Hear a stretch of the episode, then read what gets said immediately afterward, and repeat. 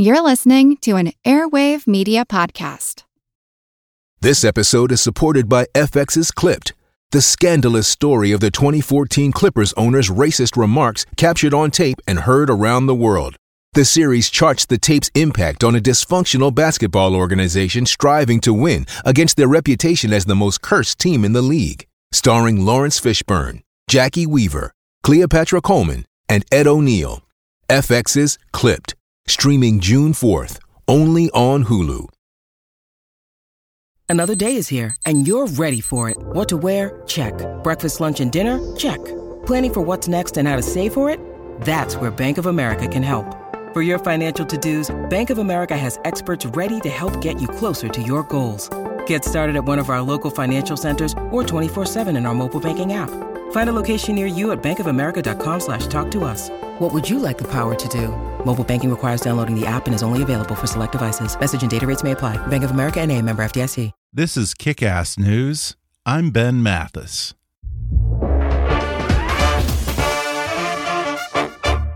Hey, folks, I know you love podcasts. Believe it or not, there are a lot of people out there who still haven't been turned on to podcasts or don't really know what a podcast is. So help celebrate Podcast Month by sharing kick ass news or any of your favorite podcasts with at least two friends. Or better yet, share us with all your friends on Twitter or Facebook and be sure to tag us when you do and use the hashtag trypod. That's T R Y P O D.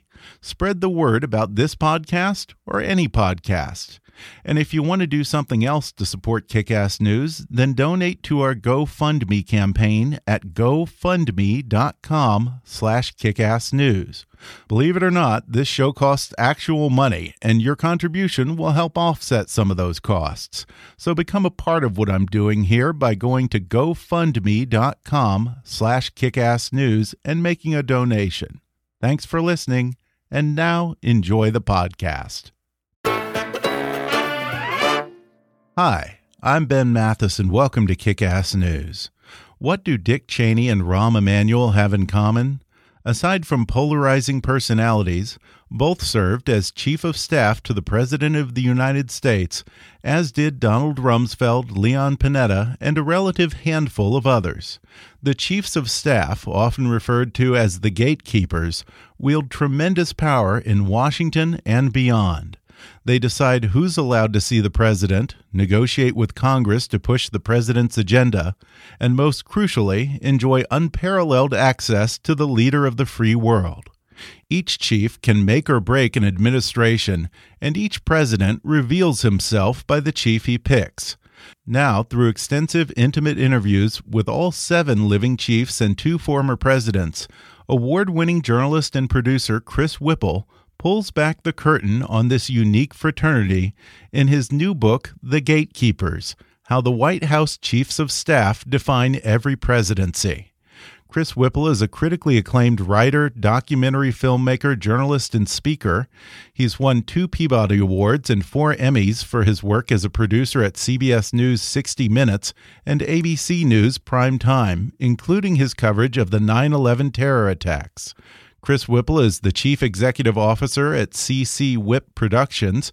He's the writer and executive producer of The Spy Masters, CIA in the Crosshairs, which aired on Showtime, and for which he filmed more than 100 hours of exclusive interviews with all 12 living CIA directors and their top operatives.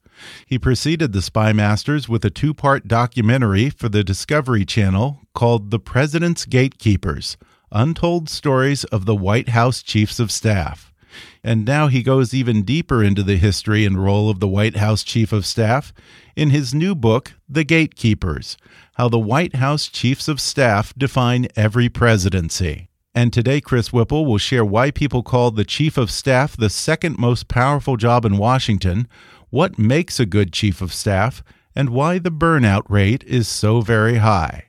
He'll reveal which chief of staff is widely considered to be the gold standard by other chiefs, which presidents thought they could do without one and wound up learning their lesson the hard way, and the Watergate figure who set the precedent for all chiefs of staff to follow. Plus, why every president needs a son of a bitch, and why you never, never, never hang up on the First Lady. Coming up with Emmy and Peabody Award winning journalist and filmmaker Chris Whipple in just a moment.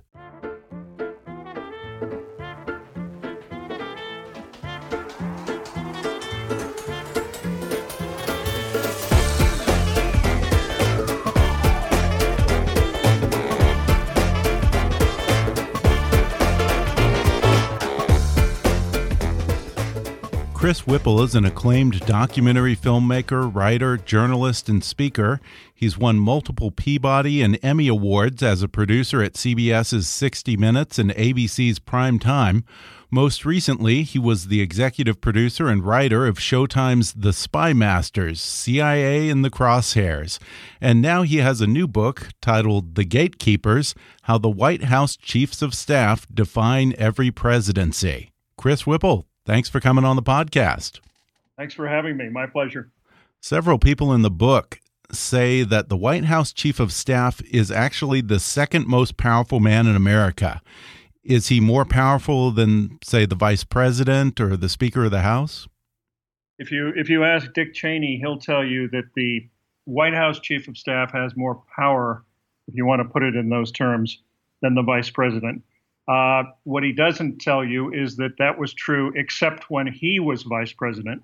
Uh, so it, it, depends on the personalities involved. But yeah, I mean, Jim Baker says it's the second most powerful job. He also tells people when when when a chief becomes chief, the first phone call he makes is to Jim Baker for advice, and Baker always replies, congratulations, you get the worst blanking job in government. but, it, but, it, really is true that the White House chief is, I mean, it's an, almost impossible to overstate the importance of the job uh, in governing the White House effectively. Yeah, and I guess Vice President Cheney would know because I think he's the only person who's held both jobs, Vice President and Chief of Staff. That's correct. Well, I think a lot of people hear the term White House Chief of Staff and they think it's perhaps something akin to, I don't know, a human resources position. While that is an element of it, I guess, it's a lot more than that. So tell us what are the duties of the White House Chief of Staff? Well, first of all, uh, there's nothing in the Constitution about it. Um, he's un unelected and unconfirmed. But the White House chief is not only the gatekeeper to the Oval Office who creates time and space for the president, uh, he's the guy who controls the information flow. He's the honest broker of information in that respect. He's the uh, he's Jack Watson called him the javelin catcher because he, you're always taking fire, enemy fire, and friendly fire. Uh, he's the heat shield. He's the uh, he's the but at, you know at the end of the day, he is the person the president depends on to execute his agenda. And there's no more important role. And if you if a White House does not have an empowered chief of staff, uh, usually that way lies disaster. And you titled the book "The Gatekeepers," and I suppose that's a big part of the job. It seems to me that it might be perhaps the hardest part of the job as well to keep the president from being bombarded with questions and agendas from every direction and yet make sure that he gets what he's going to want to know. No, that's exactly right. It's it's a really delicate balance, um, and it's but it's critical. And you know, Jerry Ford tried to govern um, with a model very much like Donald Trump's, where he he had five or six senior advisors with equal access. They would come and go, and they would compete with one another it was a disaster. You know, within a month, Ford realized that it was unworkable, and he reached out to guess who, a young Donald Rumsfeld, uh, who came in and really, you know, started uh, made the trains run on time. Um, you know that job is just critical, and it's it's creating time and space for the president to think, uh, which is important. It's it's making sure that there are no end runs, as they call them. Another, now, an end run is when a yeah. senator or a congressman or or a CEO uh, comes into the Oval Office, sits down with the president, uh, pitches something that is completely inconsistent with everything the administration stands for, and the president says, Yeah, Senator so and so. That sounds great. Let's do it. uh, you know, the chief of staff has to be there to prevent end runs, and they can be more serious too. Just ask, um, um, anybody in the Nixon administration what happened when Chuck Colson started coming and going from the Oval without a chief of staff around. Does the White House chief have to be part clairvoyant to anticipate a president's needs, to divine what a president's going to want to know about and what his priorities are going to be on any given day? You, you don't have to be clairvoyant, but it helps if you're if you're grounded, if you're uh, confident, if you've been around the block the way James Baker, uh, everybody's pick as the gold standard was, the way Leon Panetta was, who'd been in Congress and been OMB director and wasn't afraid to walk in and close the door behind him and tell Bill Clinton what he didn't want to hear. um, you have to be able to do that. And I'll give you an example of something that's might sound almost clairvoyant, and that was when uh, Ronald Reagan was determined, hell bent on going to Capitol Hill. The first act of his administration, he wanted to tackle Social Security reform. Uh, he'd been talking for years about making it making it voluntary, and Baker listened to this, and he he'd been around long enough to know that Social Security was the third rail of American politics, as he put it. You touch it, you get electrocuted. He he told he explained this to Ronald Reagan, managed to, with Nancy's help, uh, among others, to to turn him around on that, change course, and persuade him to go for tax cuts tax reform first, and the rest is history. It's hard to imagine uh, Jim Baker uh, allowing a president to go after uh, repeal and replace Obamacare when it was obvious from the get go that the votes weren't there, and even if they'd somehow passed it, it would have come back to bite them in the ass. Um, so that's what a chief has to do. Yeah. So that would have fallen under the purview of the White House chief of staff to have made sure that the president had the votes before he risked the embarrassment of not being able to pass, repeal, and replace. Huh? Absolutely, absolutely right. That's on Priebus. And you know, when when Baker was there, he created something called the Legislative Strategy Group, LSG, which became famous and became a kind of template. Denis McDonough tried to create something similar under Obama that was a, a staff of really smart people who knew how to count votes. You know, Richard Darman, Ken Duberstein was the congressional liaison. These guys really knew what they were doing. They knew the Hill. They knew how to count. Um, clearly, you know, nobody in the White House does, apparently, uh, as we speak. You mentioned that James Baker is the guy that every White House chief of staff points to as the gold standard for what a chief should be. What did Baker do right? He did a lot of things right. Uh, you know, he wasn't flawless, but again, what he did was, I mean, it was a great story in the, in the book uh, that I'll tell you that involves uh, Baker and his rival for influence with Ronald Reagan, Ed Meese. You may remember him. Mm -hmm. He was a senior counselor to the president. Meese had been Reagan's chief of staff in Sacramento when he was governor and was the odds on favorite to become chief of staff. Reagan, to his credit, and with a lot of outside advice, was smart enough to choose Jim Baker. But when he did, he Reagan turned to Baker and said, "Do me a favor, make it right with Ed." Well, mm-hmm. Baker called Meese and set up a breakfast for the next morning. He pulled out a yellow legal pad and said, why don't we just divvy up our responsibilities lawyer to lawyer, Ed? and so Baker proceeded to give Meese a whole lot of fancy titles, and Baker got everything that mattered. he was the gatekeeper. He was with with controlling access to the Oval. He was the guy who controlled the flow of information, the paperwork. So that's the, the honest broker role. He was the guy who executed Reagan's policy you can have all the fancy titles and talk about policy all day long, as Meese did, but Baker was the guy in charge of executing it. So that'll give you an example of, of what kind of a savvy operator uh, Jim Baker was. Right. And I was surprised to read that another person that many chiefs of staff say that they admire is actually H.R. Haldeman. In fact, you say despite Watergate, Haldeman kept Nixon from getting himself in a lot more trouble. Tell us more about how he insulated the president. Haldeman, the thing about the book is that, you know, this is not just a book, you know, with lessons for presidents and chiefs. Uh, it's it's a book that is full of you know really amazing characters. You know, Aaron Sorkin couldn't have dreamed these guys up. you know, beginning with people like Haldeman, Don Rumsfeld, Cheney, Rahm Emanuel, and then people uh, that you may not even have heard of, like Jack Watson, who was this, who was Jimmy Carter's chief of staff during his final year and a brilliant guy um, who should have been chief on day one. Um, but anyway, Haldeman is fascinating because he, the, the irony is that he became the poster boy for Watergate, the worst scandal of all time.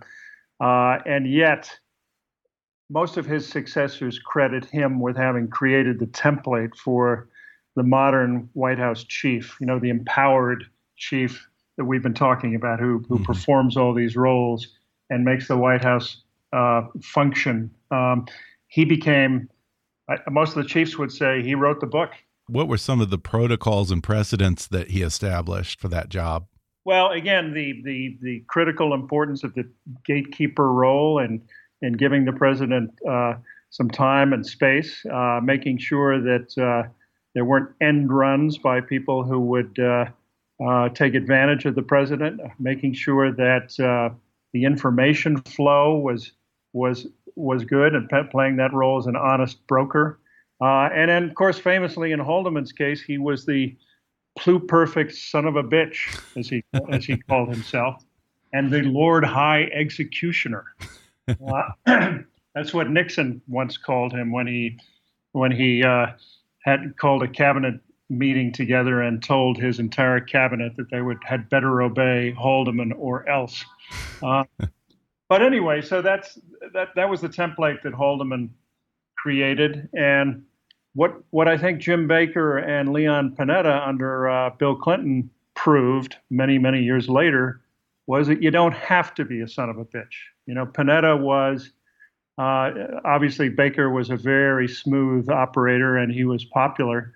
Uh, Leon Panetta also was a guy who um, was described to me as a he had a an iron fist inside a velvet glove. Uh, you know, he he's a gregarious guy with a booming laugh, and everybody likes him. But he could lower the boom when he needed to for Bill Clinton. Over and over, you see White House chiefs of staff say that every president needs a son of a bitch. So he was the exception to the rule, or no? You you you have to be a son of a bitch when when necessary, but you don't have to be a son of a bitch every day of the week. Mm -hmm. And and if you are, uh, and arguably there were a few guys like that. Um, it, it, it's it's not productive. Uh, John Sununu, who was George Bush 41's um, chief of staff, was pretty good managing up, managing the president. terrible at managing the staff, demeaning, arrogant, uh, did not suffer fools, and he paid the price uh, when he was embroiled in a scandal of his own with using military transport for personal trips, he had few friends to uh, to defend him. So I think that it's a it's a balance, and Baker mm-hmm. and Panetta were among the best at striking that balance. Uh, how about Rahm Emanuel? He's a notorious political brawler. Did that serve him well as the president's son of a bitch? I think you know in the beginning with Rahm, I, there's another great story from the book is when he was prior to his incarnation as chief uh, for Obama, he was Bill Clinton's uh, one of his senior advisors, and Rahm was just famous. You know, you know, remember the he once sent a dead fish wrapped in newspaper to a pollster who had it was the Luca Brasi treatment. Um, Rahm was a guy who famously took the hill uh, you know, whatever it required, he took the hill and he got results. And one, not once, not twice, but multiple times, Bill Clinton tried to fire him because he pissed off some friend of Bill Clinton's, and Bowles would ignore him. And finally, Clinton said, "Why haven't you fired Rahm?" And Bowles said, because, Mr. President, every time you come out of that office with Mission Impossible, we give it to Rahm. And he comes back two days later and it's done. There are 10 bodies on the pavement, but it's done. And so Clinton gave up trying to fire Rahm Emanuel. Anyway, the short answer to your question about um, Rahm as chief of staff is that I think Obama needed, Obama certainly felt he needed somebody who could get a lot of stuff done on Capitol Hill. And Rahm uh, knew the Hill better than anybody. He was in line to become the first, may, may recall, he was in line to become the first Jewish Speaker of the House. Right, I think, right. I think that's the job he really wanted. When he was asked to become chief of staff to Obama, he he he basically asked himself, you know, what do I say when the president asks you to do it? Well, all, all you can do is serve. And he, I think he served pretty well in getting a lot of stuff done early on. Mm -hmm. What kind of traits make for a good chief of staff? The ability to strike that balance between being tough and being uh, reasonable. Uh, you have to be politically savvy. You have to know how to reach across the aisle, uh, if that's possible in this day and age. Um, you have to know your president, um, but it's a mistake usually if you're too close to the president, if you're just a, a good pal, a friend, because then you can't tell him what he doesn't want to hear. And I think that, you know, an underrated quality that both Baker and Panetta had is they were his temperament. You know, these were guys who were comfortable in their own skin. They'd been around the block. They didn't have anything to prove. Jim Baker was a 50 year old, smooth as silk, silk Texas lawyer. Uh, Leon Panetta had been through, had been in Congress. He'd been OMB director. Uh, these were guys with gravitas. Mm-hmm. Uh, it's not clear that anybody in the White House uh, measures up to the example those guys set. Are plugging leaks within the purview of the chief of staff? Well, plugging leaks, um, you know, every, leaks are as old as the presidency. Uh, you're never going to be able to plug leaks. And that's always going to be a fact of life. And I think, um, more importantly, you need to be able to talk the president off the ledge when he tells you, as as Nixon told H.R. Bob Haldeman, that he wants to put everybody everybody in the State Department on a on a polygraph test. Uh, he wanted to give lie detectors to something like thirty thousand people in the State Department. Wow. uh, so, or or another order that Haldeman ignored was uh, when he asked asked him to firebomb the Brookings Institution. Uh, because he thought there was something in the safe that he some documents that he had to have. Haldeman ignored that one too. and I suppose he's also the one who makes the call when there's a crisis to wake up the president in the middle of the night. He's the one who makes the so-called 3 a.m. phone call, right? Yeah, no, that's absolutely true. Unless you were one of Bill Clinton's chiefs, in which case Clinton would call you. that's was, right. He was famously nocturnal. Yeah. And Leon Panetta tells this great story about uh, being sound asleep. The phone rings and he looks over and he sees that it's Clinton, and he goes, "Oh my goodness, you know, it must be a must be a big crisis." And he picks up the phone, and Clinton says, "Leon, are you watching Fritz Hollings on C-SPAN?" and, and Panetta says, Mr. President, no one in the country is watching Fritz Hollings on C SPAN, and you shouldn't be either. You should be asleep. hung up the phone. Anyway, yes, that is part of the job. We're going to take a quick break, and then I'll return with more with Chris Whipple when we come back in just a moment. Amazon's acclaimed crime series Bosch is back for a third season. Titus Welliver stars as Detective Harry Bosch, an honest cop driven by a dark past who's obsessed with punishing criminals no matter what the cost. Haunted by the discovery that his mother's murder was covered up by the police, Bosch also finds himself implicated in the death of a serial killer he's investigating. Now Bosch must navigate the dangerous waters of a police department that believes he's guilty while working with a partner who is no longer sure he can trust him. Bosch will fight to prove his innocence even as he pursues a dangerous group of ex Special Forces assassins willing to kill anyone who gets in their way. Against the glamour and seediness of Los Angeles, Bosch will risk everything to clear his name while bringing down the murderous crime ring, no matter how many rules he has to break to do it. Based on the best selling novels by Michael Connelly, stream season 3 on Amazon Prime April 21st. And now, back to the podcast. I guess the first president to really have to deal with the issue of the 3 a.m. phone call being a possibility was Eisenhower. Um, I was interested to read that he was the first president to appoint someone designated as the chief of staff when he entered the White House. Having been the supreme Allied commander during World War II, I suppose Ike would have been pretty familiar with the idea of a chief of staff in the military.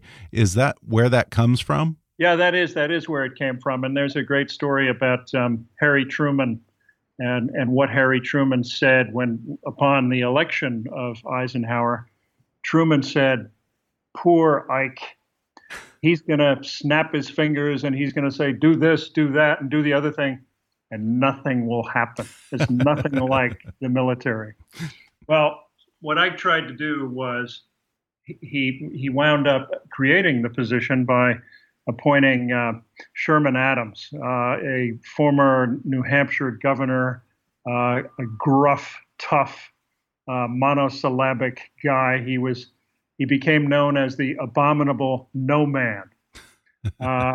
He was he was that tough as a gatekeeper. And before Eisenhower, who fulfilled the duties of a chief of staff for the president, or, or was it maybe even a team of people? It, it really began with Eisenhower, the, mm -hmm. the, the sort of empowered chief, and then Haldeman took it to a whole new level. But prior to that, you remember Roosevelt's famous team of rivals, and right, and that. But you know, it, it really people, presidents who have strayed from the Haldeman model have have learned that it's it's critical to have an empowered chief of staff in order to govern. Now, you know, Kennedy tried with a bunch of advisors. It was sort of like Jerry Ford's spokes of the wheel. Uh, then, then came the Bay of Pigs. Uh, mm-hmm. Kennedy decided he he really started to lean on his brother Bobby as a kind of de facto chief. Uh, Lyndon Johnson, same thing. He had a bunch of Lyndon Johnson was his own chief of staff, but that didn't end well either, uh, consumed by Vietnam.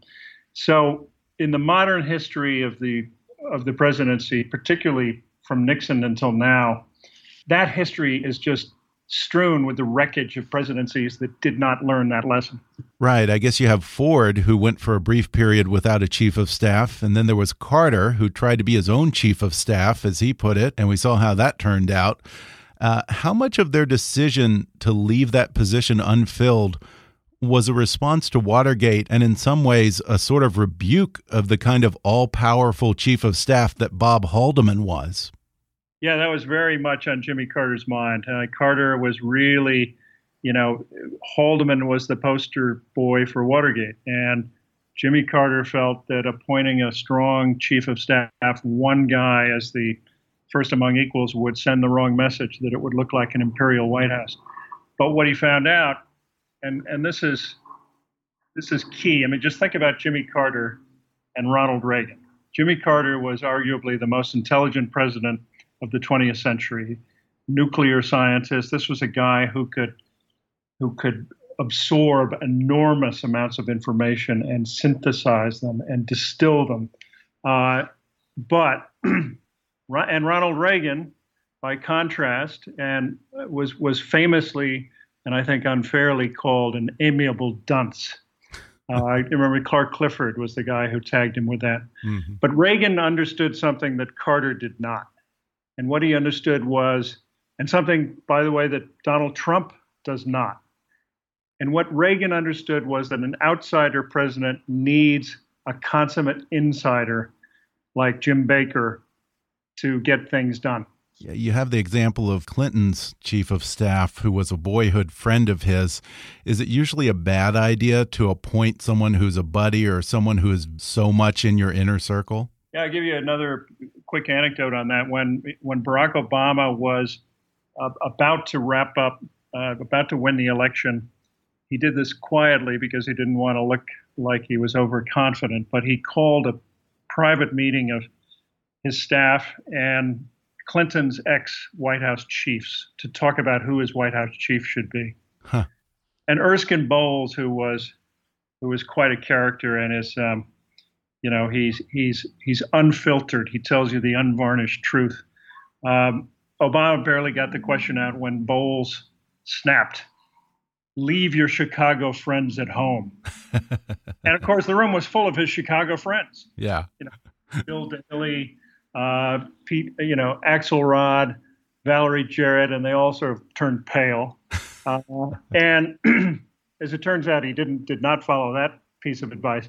But what Bowles was talking about was people like Jimmy Carter bringing their friends, Ham Jordan, who was completely miscast, uh, who was sort of the de facto White House chief for Jimmy Carter in the beginning. Mm-hmm. Uh, people like, um, you know, Bill Clinton made a mistake bringing his childhood friend uh, Mack McLarty in as White House chief, not because Mack wasn't a very talented, very smart, uh, very popular guy, but friends, good friends of presidents, have a hard time telling them what they don't want to hear.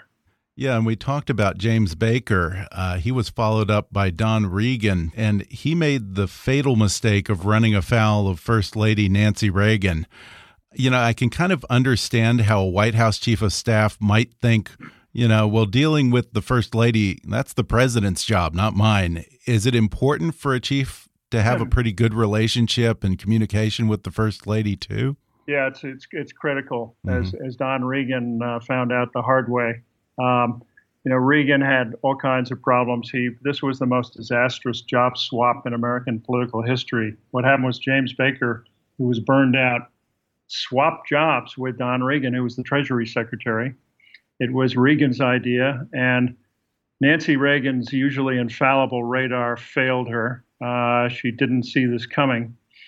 Uh, she later described it as the biggest mistake of the Reagan presidency, putting wow. Regan in there. But Reagan came in, and the next thing you know, they had the Iran Contra scandal, mm-hmm. which, which, in my opinion, never would have happened on Jim Baker's watch. You know, this cockamamie scheme that was hatched in the White House basement to trade arms to Iran for hostages.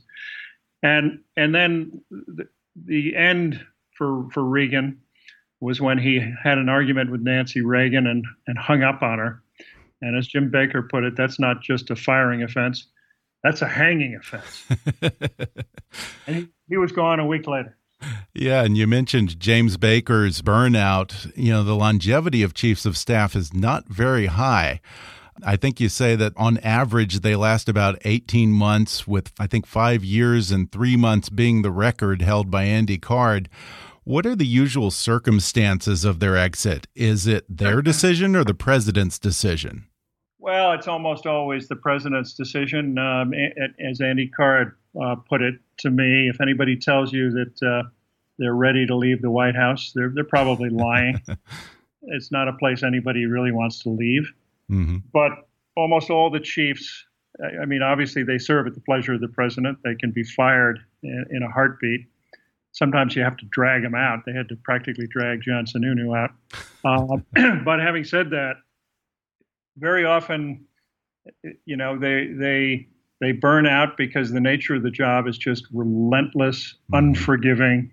You know, as Rahm Emanuel described it, you don't know which way is up. You wind shear, whiplash, uh, you're being fired at, taking friendly fire as well as enemy fire. Yeah. Uh, he was vivid about it, and um, so there's burnout, and then very often, if things aren't going very well, uh, you become the fall guy for the way things are going. And when it's the president's decision, is it often a case of the chief of staff has screwed up or is starting to drop the ball? Or in some cases, is letting them go perhaps even an act of compassion on the part of the president? Yeah, the answer is is both. Mm -hmm. um, it, you know, it, it it it sometimes. I mean, most of the chiefs will tell you that um, you can't you can't really function in that job at um, at anything like uh, you know full tilt uh, with all your cylinders functioning, firing. Mm-hmm. Um, if you stay too long, it's just it's just too brutal. So you know it's it's a, probably a good idea to replace uh, a chief of staff before the first term is up. Yeah, no matter no matter how well you're doing. Um, Andy Card broke the record, as you suggested, about five years and three months. But Andy Card, I think, probably should have gone. Andy Card would be the first to tell you that he probably should have gone sooner. Mm -hmm. And aside from Watergate, what are some of the worst examples, or best examples, I should say, of presidential scandals, missteps, embarrassments that could have been avoided if the chief of staff had been on his game? Well, you know, that's the really stunning thing that I learned in, in doing the book and in talking to every living White House chief, uh, two presidents. Um, I talked to secretaries of state like Colin Powell, a lot of staffers. Um, and it's really striking because I'm convinced that from Watergate to Iran Contra to the Iraq War to the rollout of Obamacare to the botched executive order on immigration that we've just seen, that the, the White House chief makes the difference between success and disaster. Mm-hmm. And it and Denis McDonough uh, is amazingly candid. Obama's final chief of staff, amazingly candid in the book about how the Obama uh, healthcare rollout was his his mistake, and he takes complete responsibility for it, and he blew it and he admits it. And he said it was the longest walk he'd ever taken, that short walk from his office to the Oval, to tell Barack Obama that the uh, the website was not working. Uh, Barack Obama, instead of chewing him out, um, did kind of a long, slow burn. And uh, McDonough felt terrible. In fact, he said it would have been so much easier if he just yelled at me. Mm-hmm. Um, and he wasn't sure he'd have a job by the time he got back to his office, but he did. They moved on. I have to think that there are many outside of the White House who might be uncomfortable with the idea of so much power resting with an unelected official who doesn't even undergo any sort of confirmation hearing, really has no oversight or anyone to answer to other than the President of the United States. Has that ever been an issue of controversy? I don't think it has because I think there's just so little understanding um, outside of uh, the White House um, of what the role of the White House chief really is. I don't think I, I, think very few people realize the kind of power he has.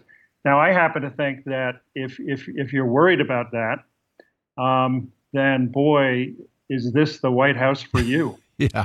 uh, you know, and if you oppose everything Donald Trump stands for, boy, is this the White House staff for mm-hmm. you. Uh, it is you know, it, the level of incompetence is, is off the charts. So, what I'm trying to say is that I think the alternative of a White House chief who is feckless uh, and unempowered uh, and at war with five or six other senior advisors for the soul of the president is a much bigger problem than an empowered White House chief. Mm-hmm. Uh, you know, the chief is not abusing his any kind of power. He's not, and he's and he can be fired in a heartbeat. A functioning White House is preferable to one that is uh, just in chaos. Since you brought it up, I can probably guess the answer to this question, but as we approach the 100 day mark, how would you rate President Trump's chief of staff, Reince Priebus? Well, let me, let me just say, in fairness to Priebus, that back in December, 10 former White House chiefs were invited into Denis McDonough's office and they met with Priebus to give him advice. Mm-hmm. And the common piece of advice they gave him was what we've been talking about that that he needs needed to make sure that he was empowered to run the White House. Um, when the chiefs left the office, Priebus dutifully took notes and seemed earnest. When they left that meeting, none of them thought he had much of a chance of taming Donald Trump. So, in fairness to Priebus, we're dealing with a president who shows no evidence that he wants a grown up in the room. You know, governing is hard. Um, it's got nothing to do with running a, a family real estate firm in Manhattan. Pitting your lieutenants against one another on the theory that this creates some kind of creative tension does not work in the White House. It's a recipe yeah. for failure. And so far, it's the most dysfunctional White House in recent history. Well, yeah, and I'm constantly hearing in the media about the infighting between Steve Bannon and the Jared Kushner Ivanka Trump camp, but I don't hear very much about the influence of Reince Priebus on the president. Is the fact that Priebus is not making it into the media is that a sign that he's doing his job and serving the president well, or is it an indication of his lack of influence within the inner circle?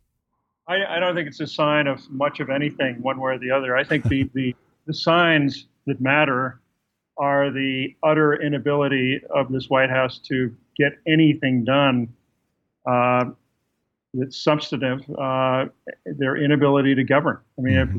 no competent White House chief of staff would allow an executive order on immigration to go out into the world without being vetted by the departments in charge of enforcing it. Yeah. Uh, no, you know, it's hard to imagine Jim Baker or Leon Panetta allowing a president to go down the road of repeal and replace Obamacare when they had no votes. Mm-hmm. I mean, this is, you know, this you choose you choose your cliche train wreck the gang that couldn't shoot straight it's that's an insult to the gang that couldn't shoot straight yeah well before we wrap up We've never had a female chief of staff in the 50 or so years that we've had that position. Uh, do you think we ever will? And why haven't we so far?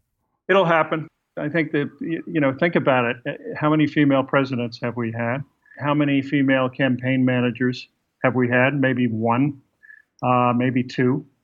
Uh, it'll happen, but it's not a surprise. I think that it hasn't happened yet. It almost happened in the Obama White House. There was a contender, but she was uh, she didn't have the political chops. Mm-hmm. She was good at policy.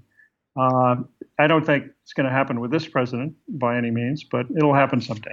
Is it a position that's uh, prone to high testosterone, macho ness? Uh, no, I don't think so. Okay. Not necessarily. All right. I think um, I think that uh, again, you you don't have to be the president's son of a bitch, um, except except when it's really necessary. Well, once more, the book is called The Gatekeepers How the White House Chiefs of Staff Define Every Presidency. Chris Whipple, thanks for joining me. Uh, my, my pleasure. Thanks for having me. Just a reminder, folks, that Amazon's Bosch is back for a third season. Titus Welliver stars as Detective Harry Bosch, an honest cop driven by a dark past who's obsessed with punishing criminals no matter what the cost. Based on the best selling novels by Michael Connelly, Stream Season 3 on Amazon Prime April 21st. Thanks again to Chris Whipple for joining me on the podcast. You can order The Gatekeepers How the White House Chiefs of Staff Define Every Presidency on Amazon or download the audiobook for free with a special promotion just for our listeners at audibletrial.com slash kickassnews.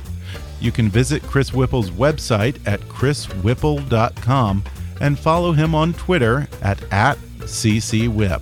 That's CCWHIP. Be sure to subscribe to Kickass News on iTunes and leave us a review while you're there. Don't forget to take our listener survey. It only takes five minutes at podsurvey.com slash kick.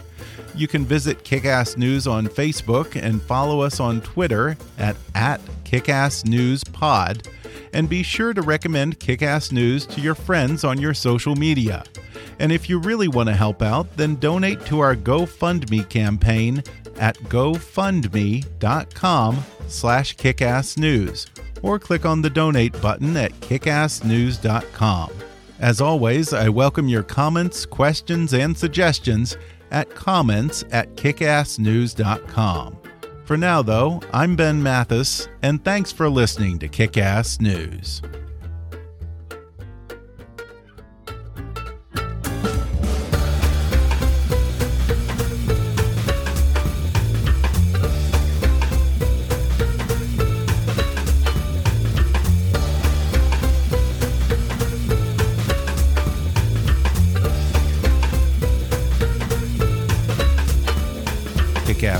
Is a trademark of Mathis Entertainment, Inc.